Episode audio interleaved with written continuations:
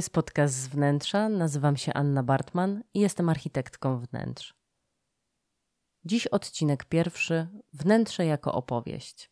W tym odcinku chciałabym przybliżyć Wam, jak można spojrzeć na wnętrza i dlaczego według mnie właśnie przypominają opowieść. A właściwie fajnie, żeby przypominały opowieść i były czymś, co nas prowadzi, wciąga i od czego nie chcemy się oderwać, bo jest nam tam tak dobrze. Są takie trzy opcje, które mm, znalazłam w głowie, zastanawiając się w ogóle nad projektowaniem wnętrz i nad tematyką wnętrz w ogóle. Na początku będę chciała omówić je tak pokrótce, natomiast e, później zagłębić się w każdy poszczególny temat troszkę bardziej, więc zaczynajmy. Pierwsza opcja i pierwsze takie przybliżenie wnętrz jako właśnie tej opowieści to jest podejście, że wnętrze jest taką podstawą naszego życia. Znowu brzmi górnolotnie i znowu tak troszeczkę przesadnie. Natomiast uważam, że to, co nas otacza, jest właśnie bardzo istotne i jest scenografią dla naszego życia. Niby nieważne, jaka lampa będzie świeciła nam nad stołem, a tak naprawdę ona może wpływać na nastrój, może wpływać na to, czy mamy właśnie dobrze oświetlony stół i czy wszystko wygląda smakowicie, jak nam się rozmawia. Wszystko tak naprawdę może się zmienić, jeżeli zmienimy kilka elementów we wnętrzu. I to jest pierwsza rzecz, czyli ta podstawa. Podstawa troszeczkę to ma też związku z postawą, czyli z tym, co wybieramy, co według nas jest ważne, i to właśnie wpływa na tą podstawę, czyli taką ostoję, miejsce, gdzie się schraniamy, bo przecież wnętrze, w którym mieszkamy, to wnętrze prywatne, a o takich najbardziej będę chciała opowiadać. Takie wnętrze jest naszym schronieniem. I jest super, jeżeli każdego dnia chcemy do niego wrócić i czujemy się tam naprawdę bezpiecznie. Więc wnętrze jako podstawa. Wrócę później do tematu, jest tam kilka rzeczy, które są dosyć istotne. Natomiast druga opcja, drugie podejście to jest wnętrze jako przygoda. Bo projekt wnętrza może być tak naprawdę przygodą, jeżeli nie pospinamy się za bardzo na samym początku, jeżeli nie skupimy się na tym, że trzeba pewne rzeczy ogarnąć jako takie, żeby sprostać temu, co jest teraz modne, albo żeby się za bardzo nie przejąć tym, że co jeżeli coś za chwilę nie będzie modne, a nam to zostanie. Jakby zostawić takie tematy i troszeczkę potraktować to jako taką przygodę w odkrywaniu siebie. To może być naprawdę ciekawe. Z jednej strony odkrywamy siebie dla siebie i, i tworzymy wnętrze, a z drugiej strony odkrywamy siebie dla innych. To znaczy, ktoś, kto do nas przyjdzie, a my nie zrobimy wnętrza takiego jak z katalogu No Name, w ogóle nie biorąc pod uwagę tego, co siedzi nam w środku, to pewnie się odkryjemy w jakiś sposób i pokażemy troszeczkę więcej swojego wnętrza, dosłownie, więc to jest odważny krok, dlatego przygoda. Natomiast trzecia opcja to jest podejście do wnętrza jak do książki. Właśnie stąd tytuł podejście do wnętrza jako do opowieści. Do opowieści, która nas prowadzi i która nas wciąga i która ma swoje zwroty akcji i pewne rzeczy, które tam powinny się pojawić, żeby było dobrze. Więc mamy tak, trzy tematy. Wnętrze jako podstawa, wnętrze jako przygoda i wnętrze przypominające książkę. Wracamy do tematu numer jeden, czyli wnętrze jako mocna podstawa naszego życia. Jeżeli podejdziemy do wnętrza jak do scenografii, która po prostu jest za naszymi plecami i która nam towarzyszy każdego dnia, i jeżeli mamy coś źle przemyślane, źle zaprojektowane, to będziemy się potykać o pewne przedmioty, to będziemy mieć większy bałagan, to będziemy po prostu mieli mniej przestrzeni na, na coś, na przechowywanie czegoś, lub za dużo przestrzeni na coś. Mm, jakby tych aspektów jest naprawdę dużo. Jeżeli tak do tego podejdziemy, to od razu nam się uruchamia myśl, no tak, będzie to wpływać na nasz nastrój. Jeżeli każdego dnia muszę coś przekroczyć albo przesunąć, żeby dostać się do regału, no to to w pewnym momencie będzie po prostu bardzo irytujące i albo przestanę w ogóle do tego regału próbować podchodzić, No albo trudno, no będę to robić, ale kilka takich czynników dziennie może wpłynąć, że wieczorem już wybuchnę i już będę miała dość. Wiem coś o tym. Też miałam takie problemy, czasami nadal mam, natomiast staram się je niwelować, zmieniać i podejmować jakieś działania.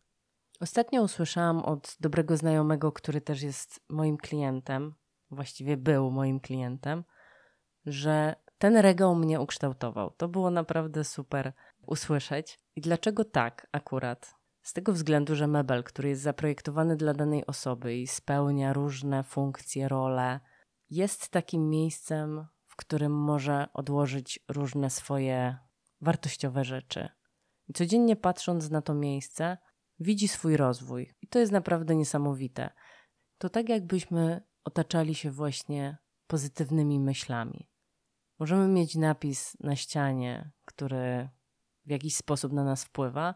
Możemy mieć też mebel, który pokazuje tak naprawdę, że jesteśmy ważni, bo stworzyliśmy sobie przestrzeń na ważne dla nas rzeczy. Możemy też mieć super garderobę, która sprawi, że każdego dnia będziemy wstawać i myśleć: Wow, ale mam poukładane i ten dzień będzie dobry. Więc każdy musi zastanowić się tak naprawdę, co dla niego jest istotne i co go będzie budowało codziennie. Dla mnie na przykład takim elementem, który był dla mnie naprawdę bardzo ważny, to był stół kuchenny z szufladami. W ogóle szuflady to jest taki mój konik. Uwielbiam szuflady. Uważam, że nic lepszego nie zostało wymyślone we wnętrzu. nie no, oczywiście zostało, ale dla mnie to jest w ogóle bomba. Jeżeli jest mebel z szufladami, tak jak w przypadku mojego stołu jest to sześć szuflad, z czego trzy zajmują rzeczy około projektowo-artystyczne. W jednym mam kredki, w drugim mam bloki rysunkowe, zeszyty, trzecim są podcastowe rzeczy, kabelki i tak dalej. Więc stół kuchenny jest dla mnie takim miejscem, które jest przedłużeniem pokoju, własnego pokoju, który jest istotny w każdym wieku. Natomiast no, nie mam takiej możliwości, żeby ten pokój był, ale ten stół jest taki mój. I fajnie, żeby każdy człowiek miał w swoim mieszkaniu jakieś takie miejsce, które jest całkowicie jego.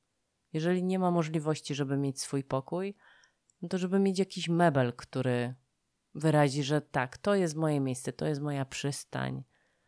Tutaj widzę, że jestem ważny. Dlatego ten regał mnie ukształtował, nie jest dla mnie w żaden sposób dziwne. Ostatnio przeczytałam też taką informację od mojej klientki, że nie wiedziała, że tak naprawdę o czymś marzyła, dopóki nie zobaczyła tego na wizualizacji.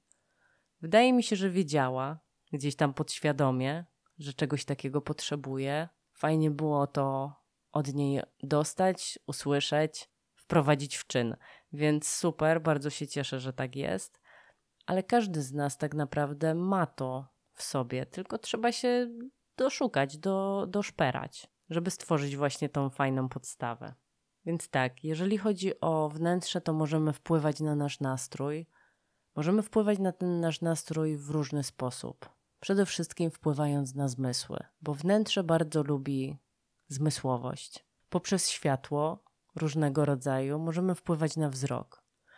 Poprzez muzykę, czy też jakieś dźwięki, dzwoneczki, wszelkiego rodzaju na przykład fontannę wody lub trzaskanie drewna w e, kominku, możemy wpływać na słuch. Możemy wpływać też na zapach, na węch, zapachem właśnie i możemy wpływać na zmysł dotyku, wybierając różne tkaniny, materiały, coś, co mamy ochotę dotknąć. No i ostatni to jest zmysł smaku, ja się śmieję, że zmysł dobrego smaku jest najlepszy.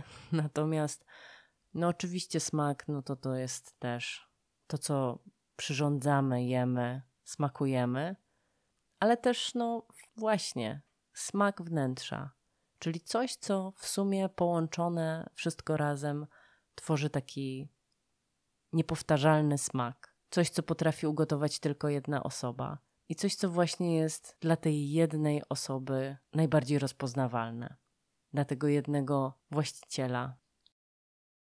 Bardzo się cieszę z tego, że po skończonym projekcie i takim już wykończonym mieszkaniu, oczywiście od razu mówię, że niekoniecznie z listwami przypodłogowymi, bo na to wszystkim schodzi najwięcej czasu. I naprawdę znam bardzo wiele osób, które po latach nie mają listew. Przyznam się, że ja też gdzie niegdzie ich nie mam.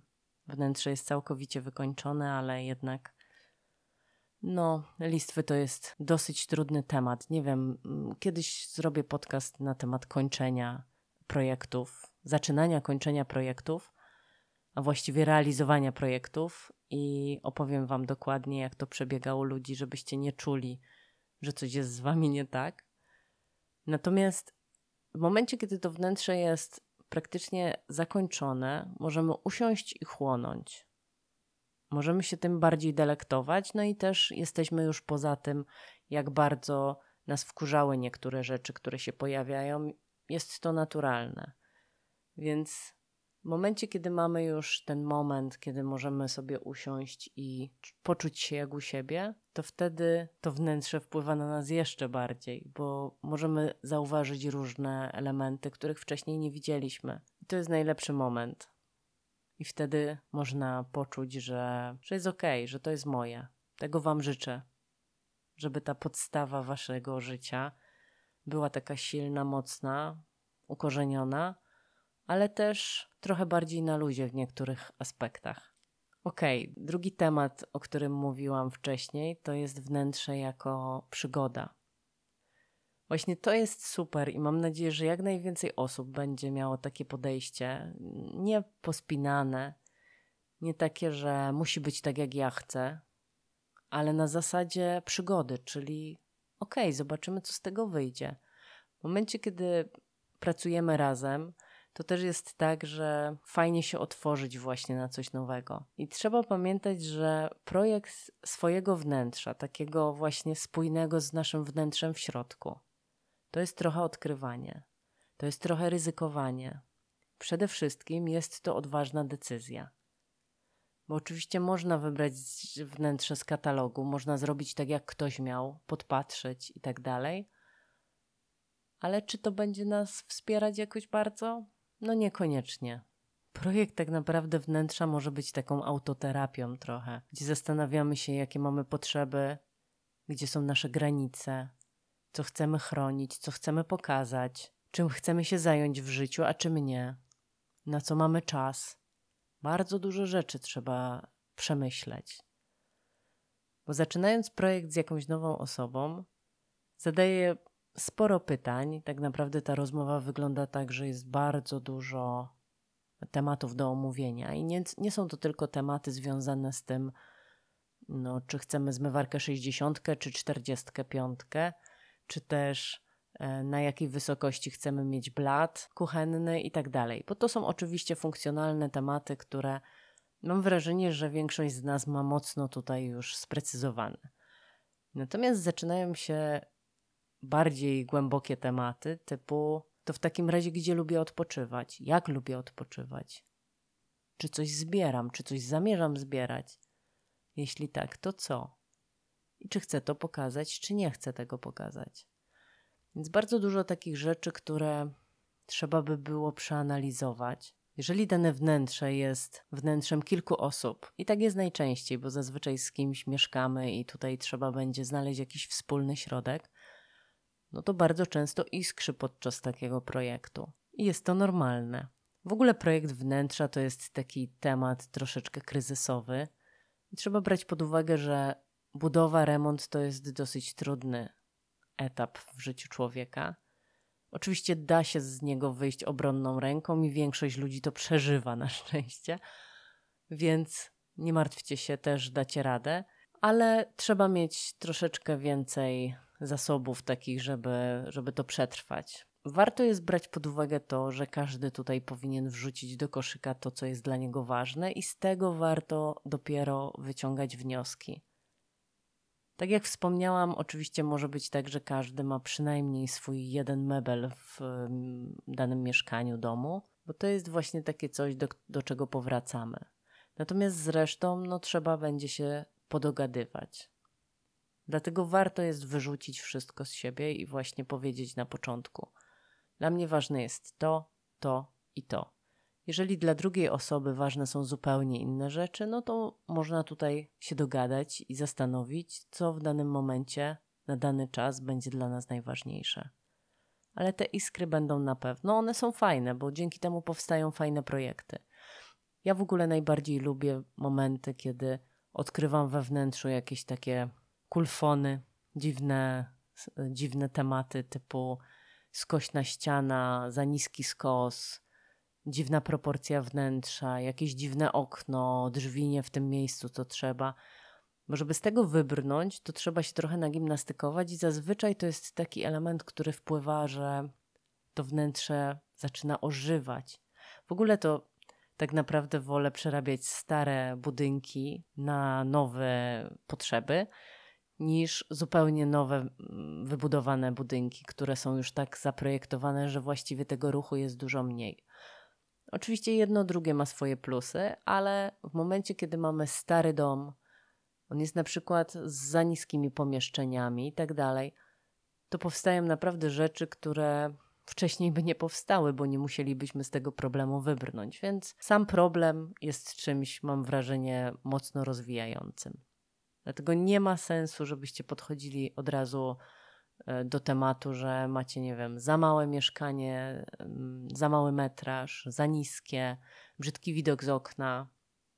Czasami to może być coś, co sprawi, że znajdziecie jakieś fajne rozwiązanie, które nie byłoby możliwe w momencie, kiedy wszystko by było ok. Zresztą rzadko kiedy wszystko jest ok. W temacie wnętrz oczywiście. No ale w życiu też tak trochę jest, że jednak ta biel i czerń oraz gama całych szarości i kolorów się przeplatają i raz jest tak, raz inaczej. Ale okej, okay, trochę odbiegam od tematu. Chciałam wrócić jeszcze do tego, że wnętrze właśnie może być tą przygodą w odkrywaniu siebie, ale też przygodą może być w momencie, kiedy kogoś odwiedzimy i zobaczymy jego wnętrze. W ogóle jest tak, że goście bardzo często przychodząc siadają tak, żeby mieć ścianę za plecami. Nie wiem, czy to zauważyliście, ale ja zaczęłam zwracać na to mocną uwagę.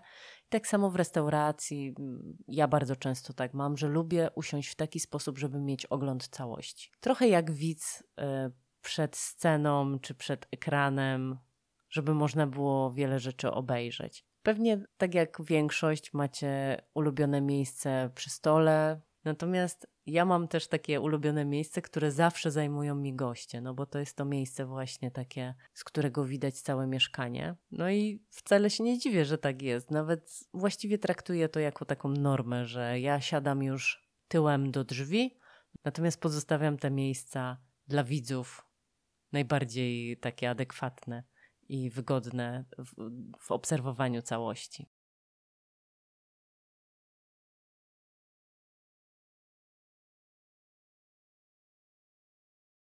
Z tym siedzeniem przy stole jest też trochę tak, że um, jest to taki początek, dlatego żeby wstać i zapytać o niektóre rzeczy. To znaczy, w momencie, kiedy siedzimy u kogoś we wnętrzu i obserwujemy je, oczywiście mimo woli, nie chodzi mi o takie obserwowanie, że ktoś przychodzi, lustruje całość, bo jest bardzo zaciekawiony, jak ktoś mieszka. Chodzi mi raczej o takie pozytywne podejście na zasadzie jestem ciekawy, jestem zainspirowany tym, co ktoś ma. I w momencie, kiedy właśnie siedzimy, obserwujemy, to pojawiają się takie oczywiste momenty, kiedy chcemy o coś zapytać, kiedy widzimy jakiś element, jakąś pamiątkę, jakiś obraz, ewentualnie słyszymy jakąś płytę, którą puszcza nasz gospodarz. Więc y, to są takie tematy, które się pojawiają naturalnie jako E, elementy do rozmowy. Wnętrze też jest takim elementem zapraszającym, odsłaniającym duszę właściciela.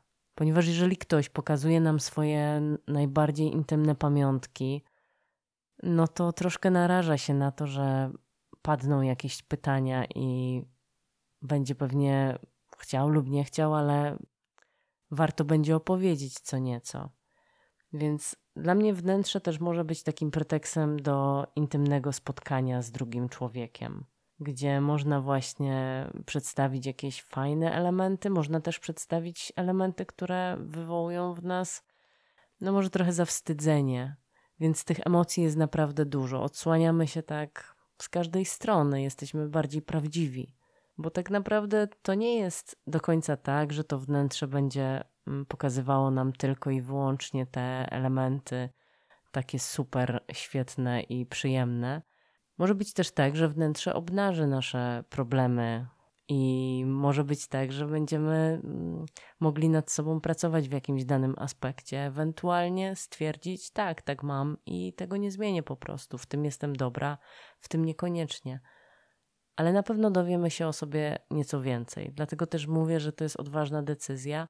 Natomiast według mnie naprawdę warta, ponieważ dostajemy bardzo, bardzo dużo na koniec. Jeszcze wrócę do tej zmiany perspektywy, czyli w momencie, kiedy siedzimy przy stole i w pewnym momencie mamy ochotę wstać, o coś zapytać. To jest takie fajne zwiedzanie tego wnętrza. To jest tak naprawdę mocno wtedy jak scenografia, gdzie zwracamy uwagę na różne elementy. Myślę, że temat wnętrza jako przygody trochę wyczerpałam już w tym momencie. Pewnie będą mi się po jakimś czasie przypominały różne jeszcze elementy, o których nie powiedziałam. Natomiast no, mm, chciałabym przejść teraz do tej trzeciej opcji, czyli wnętrze jako książka. To jest coś, co przyszło mi niedawno do głowy i stwierdziłam, że faktycznie jest dosyć dużo cech wspólnych i fajnie o tym pomyśleć, bo to jest bardzo, bardzo bliskie mi podejście. To jest tak naprawdę coś, co uważam, że w dobrze zaprojektowanym wnętrzu jest mocną podstawą. Czyli tak, Mówi się, że książki nie oceniamy po okładce, natomiast ta okładka ma naprawdę duże znaczenie.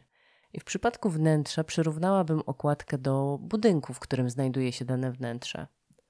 Niby nieważne, niby jest tak, że mm, w brzydkim budynku może być piękne wnętrze i na odwrót, natomiast zwracamy uwagę na to, że mm, ten budynek ma jakieś znaczenie. Na takiej zasadzie, że mimo wszystko troszeczkę sobie wyrobiamy opinię na początku.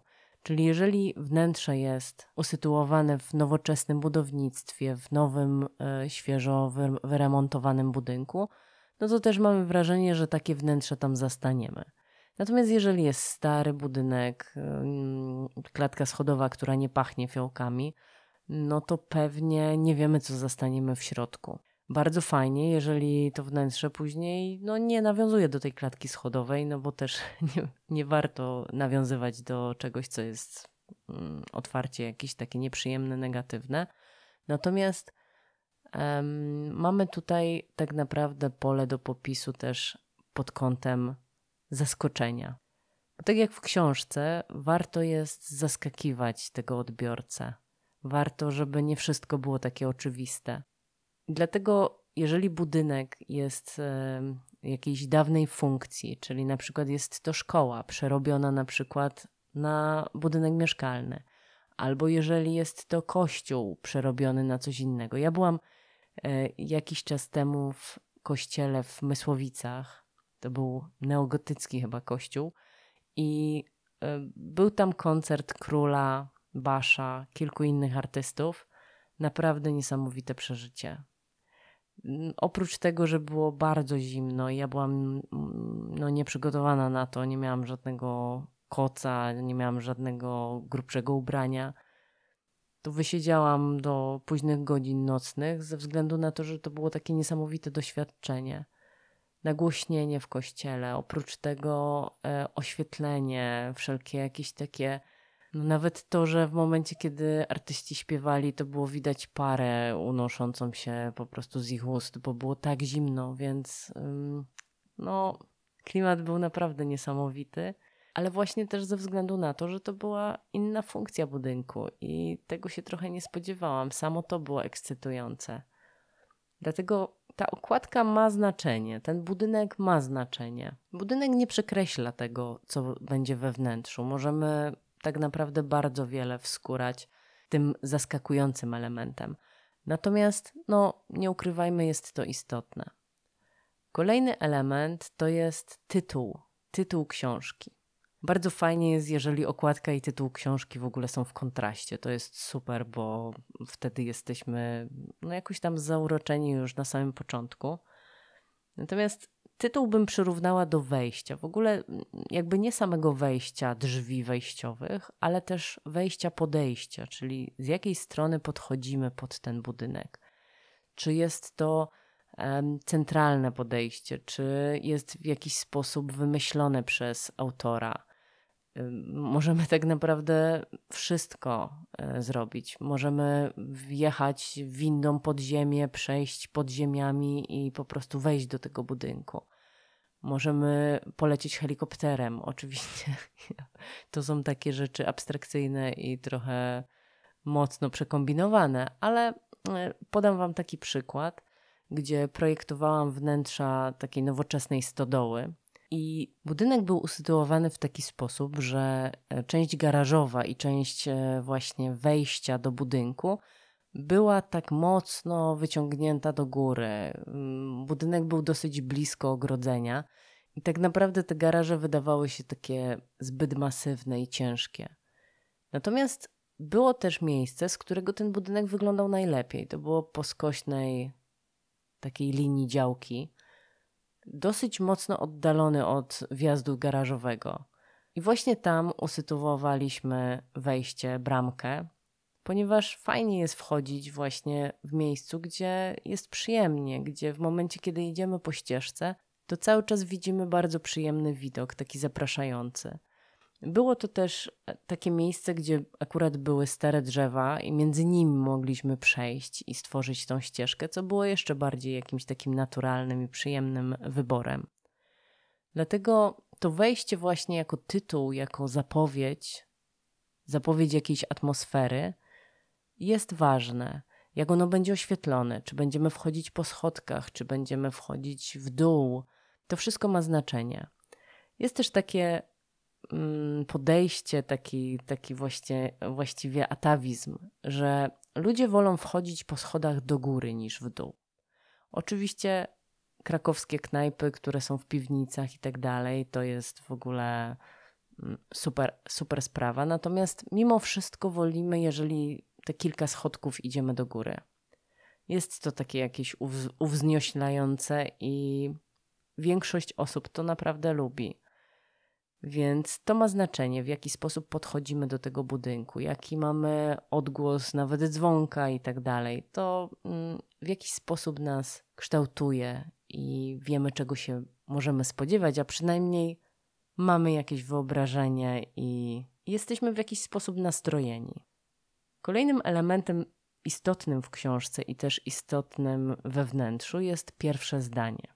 W ogóle te trzy elementy, czyli tytuł, okładka i pierwsze zdanie. To jest coś, po czym zaczęłam wybierać książki, ponieważ wydaje mi się to najbardziej ekscytujące. A to pierwsze zdanie to jest taki element, nad którym e, pisarze dosyć dużo czasu spędzają i bardzo lubię czytać właśnie pierwsze zdania w książkach. One najczęściej są intrygujące, troszeczkę opowiadające o tym, o czym będzie mówić książka. I tak samo to pierwsze wnętrze, czyli pierwsze wnętrze, które widzimy w momencie otwarcia drzwi, a właściwie pierwszy widok, czyli to, co zobaczymy jako pierwsze, ta ściana na wprost wejścia. Ona jest najbardziej istotna i gdybym miała we wnętrzu poświęcić czas tylko i wyłącznie na stworzenie jak najmniejszej ilości elementów, to pewnie najwięcej czasu bym właśnie poświęciła temu, temu widokowi na początku. Czy to mówiąc o całości wnętrza, czy to mówiąc o poszczególnych pomieszczeniach. Czyli coś, co robi pierwsze wrażenie, takie pierwszy nastrój, pierwszą emocję, która się pojawia. To, co pierwsze się pojawia we wnętrzu, jest też pewną obietnicą, e, jakimś takim zaczątkiem, że no, może być ciekawie, albo może być chłodno, albo może być na przykład bardzo przytulnie, Oczywiście nie jest tak, że wnętrze musimy traktować jako całość i wszystko y, tworzyć tak, jak y, to wejście, ponieważ we wnętrzu też powinna pojawić się dominanta, czyli jakiś taki element, który jest właśnie dominujący, który najbardziej skupia wzrok i który sprawia, że pozostałe ściany są takim bardziej odpoczynkiem, a my mimo wszystko skupiamy wzrok na tym elemencie.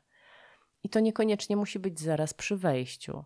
Natomiast e, fajnie, jeżeli już mamy taki zaczątek dobrego nastroju. Później to, co we wnętrzu powinno się pojawić, to przede wszystkim wszelkiego rodzaju blendy, przesłony, zapowiedzi itd. Tak czyli to, co też tak naprawdę jest w książce, czyli wszelkiego rodzaju zwroty akcji. Coś, co sprawia, że nagle mówimy, ale jak to?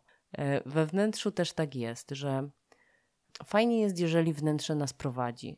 Czyli jeżeli wchodzimy gdzieś, popatrzymy na dany element, ponieważ on jest dominujący we wnętrzu, i tam chcemy podejść. W momencie, kiedy tam podchodzimy, znowu widzimy coś kolejnego i wtedy podchodzimy tam.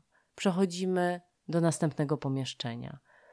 To jest właśnie tą opowieścią we wnętrzu, czyli czymś, co właściwie jest tak zaprojektowane, że nie musimy jakby zastanawiać się, gdzie możemy wejść, a gdzie nie. Czujemy się zaproszeni, czujemy, że to wnętrze jest dla nas. Tak jak w książce najtrudniejsze jest wypełnienie środka, tak samo we wnętrzu też jest trochę tak, że mm, oczywiście mamy różne funkcje i one są jakby najistotniejsze. W ogóle w, w projektowaniu jest tak, że mamy trzy elementy: funkcję, konstrukcję i formę. W idealnym świecie jest tak, że funkcja jest jako pierwsza i nią zajmujemy się na samym początku. Później jest konstrukcja, czyli jak to wszystko zbudować, jak to e, powinno działać i tak dalej. No i na końcu powinna być forma, czyli jak to będzie wyglądać, z jakich materiałów będzie zbudowane. Oczywiście nie jest tak, że nie możemy odwrócić tej, e, tych kwestii, no ale mm, często mówi się, że przerost formy nad treścią, więc y, ta forma fajnie, żeby jednak szła za funkcją, z tego względu, że no to wnętrze też musi być właśnie funkcjonalne, musi być ergonomiczne, musi być nam tam przede wszystkim wygodnie. Tak samo właśnie ten środek książki, środek wnętrza wypełniamy tą funkcją, później ją napełniamy konstrukcją, czyli rozkładamy, gdzie będzie światło, gdzie będą włączniki, gniazdka, elementy wodkanu, czyli po prostu wszystkie te elementy, które są tej funkcji poddane, które są ważne, żeby się pojawiły i które zajmują swoje miejsce, sw swoją przestrzeń. Musimy na nie właśnie przewidzieć e, przestrzeń i zrobić im miejsce. A forma tak naprawdę zależy od tego, co nam się podoba. To jest, tak jak się mówi, kwestia gustu. O gustach się nie dyskutuje. Będę chciała kiedyś e, w podcaście trochę podyskutować o tym, czym jest ten gust i czy o nich się faktycznie nie dyskutuje. Natomiast właśnie jest tak, że wszystkie te elementy mają znaczenie i nad wszystkimi warto się pochylić. Im dłużej przebywamy w danym wnętrzu, tym więcej dostrzegamy.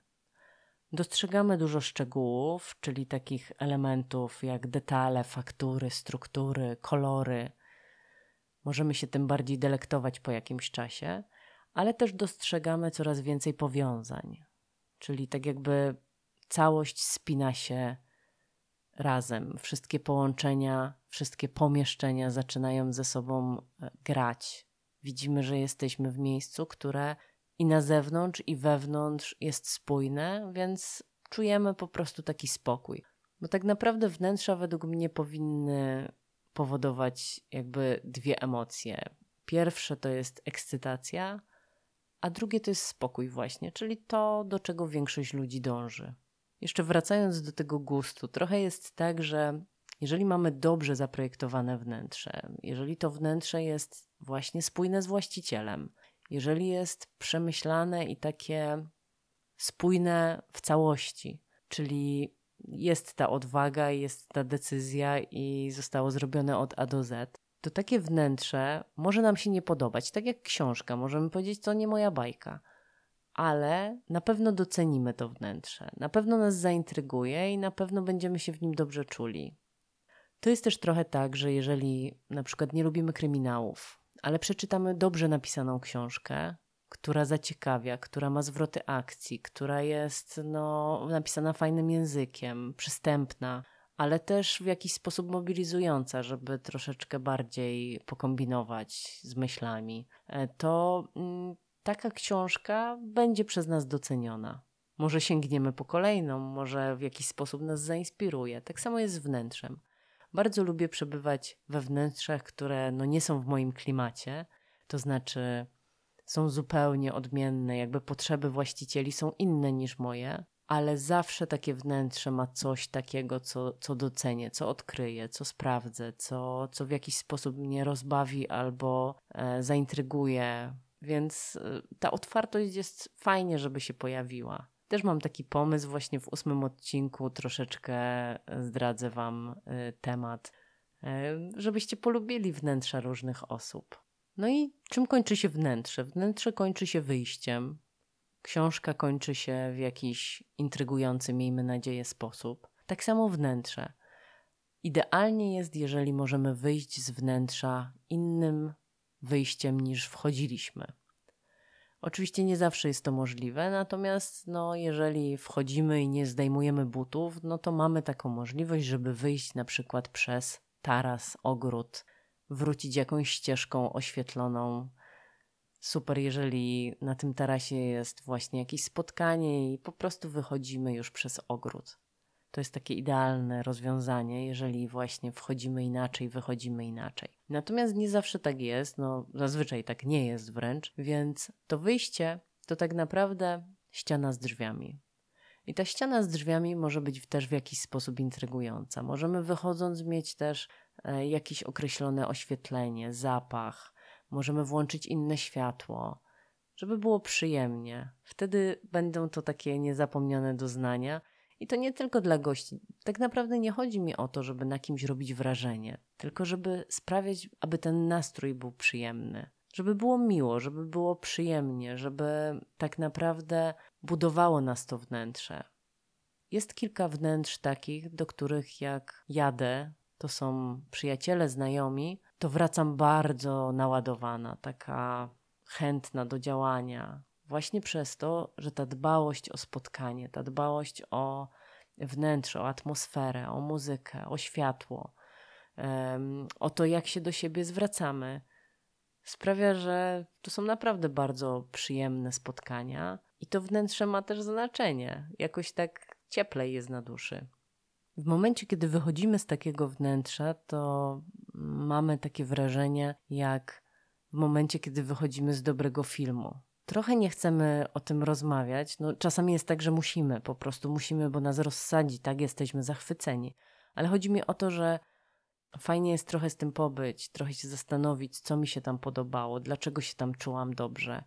To są takie rzeczy, które później mogą się przydać w naszym wnętrzu. Możemy nawet sobie zapisać, że ktoś miał to czy to i to mi się podobało. Podobało mi się, że na przykład każdy talerz był inny, albo na przykład to, że krzesła były drewniane z oparciem albo bez oparcia, z podłokietnikami. Siedziało mi się wygodnie żeby zacząć się tak trochę przyglądać i nie na zasadzie zazdrości, że ktoś ma wow, super, ale na zasadzie, znaczy zazdrość nie jest złym uczuciem, no tak jak każde inne uczucie, ale chodzi o to, żeby za tym poszło coś, że jeżeli mi się to podoba u kogoś, to znaczy, że też tak chcę. To czemu miałabym tak nie, nie mieć? Zwłaszcza, że przypominam, w różnym budżecie możemy mieć to wnętrze. To nie jest tak, że, że nie możemy mieć fajnego wnętrza w budżecie nieco niższym. Możemy, Ważne są te potrzeby, te, te pragnienia, żeby trochę sobie zamarzyć, trochę sobie pozwolić na, na realizację. Na dzisiaj to tyle. Mam nadzieję, że przybliżyłam Wam troszeczkę moje podejście. Te podcasty będą trochę o tym. Będę dużo nawiązywała do tego, co jest ważne według mnie i jak sprawić, żeby nas te wnętrza wspierały. Tymczasem dziękuję Wam za wysłuchanie tego odcinka i zapraszam na kolejne w czwartki o 19. A tak jak mówiłam wcześniej, w poniedziałek opublikuję wizualne aspekty tego odcinka. Zapraszam na Facebooka oraz na Instagrama Anna Bartman z wnętrza. Trzymajcie się. Cześć.